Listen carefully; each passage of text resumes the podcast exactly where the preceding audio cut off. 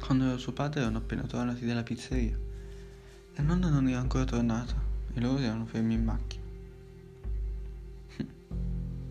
suo padre non sarebbe rimasto tanto. Gli americani non hanno molte ferie. Ma tu non sei americano, gli disse il ragazzo. Beh, mai pareva che lo fosse, anche dal modo di parlare. Era diventato un americano a tutti gli effetti. Quando cercò di capire perché fosse venuto realmente lì, ma il padre non rispose. Si sarebbe fermato per poco, ma perché era venuto allora? Quando forse iniziava a capire. Iniziava a capire perché sua madre avesse voluto che venisse.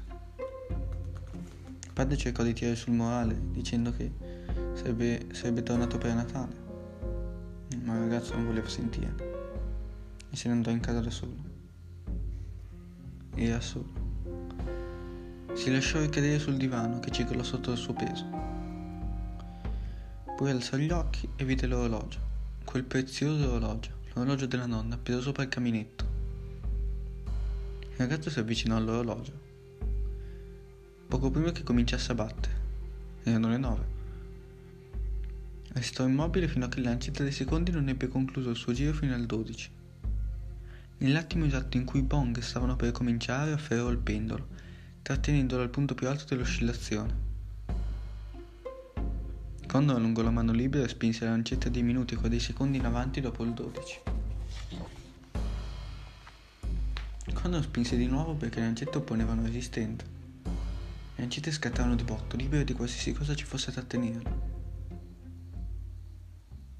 Stava sudando, il petto gli bruciava come, se, come, come nell'incubo, quello stesso sfocarsi febbrile del mondo che scivolava via dal suo asse. Ma stavolta era lui a dominare, era lui l'incubo. La lancetta dei secondi, però, la più sottile, di colpo si spezzò e cadde dal quadrante, rimbalzando sul tappeto e sparendo fra le ceneri del caminetto. Quando indietreggiò, no, oh no, no. Incominciò a pensare a quello che aveva fatto. Sentì una stretta allo stomaco. Aveva rotto l'orologio. Un orologio che probabilmente valeva più della macchina ammaccata di sua madre. La nonna l'avrebbe ucciso. Poi però vide le lancette. Lancette delle ore e dei minuti si erano fermati su un orario preciso. Le 12.07. Ed eccolo dietro di lui. Il mostro.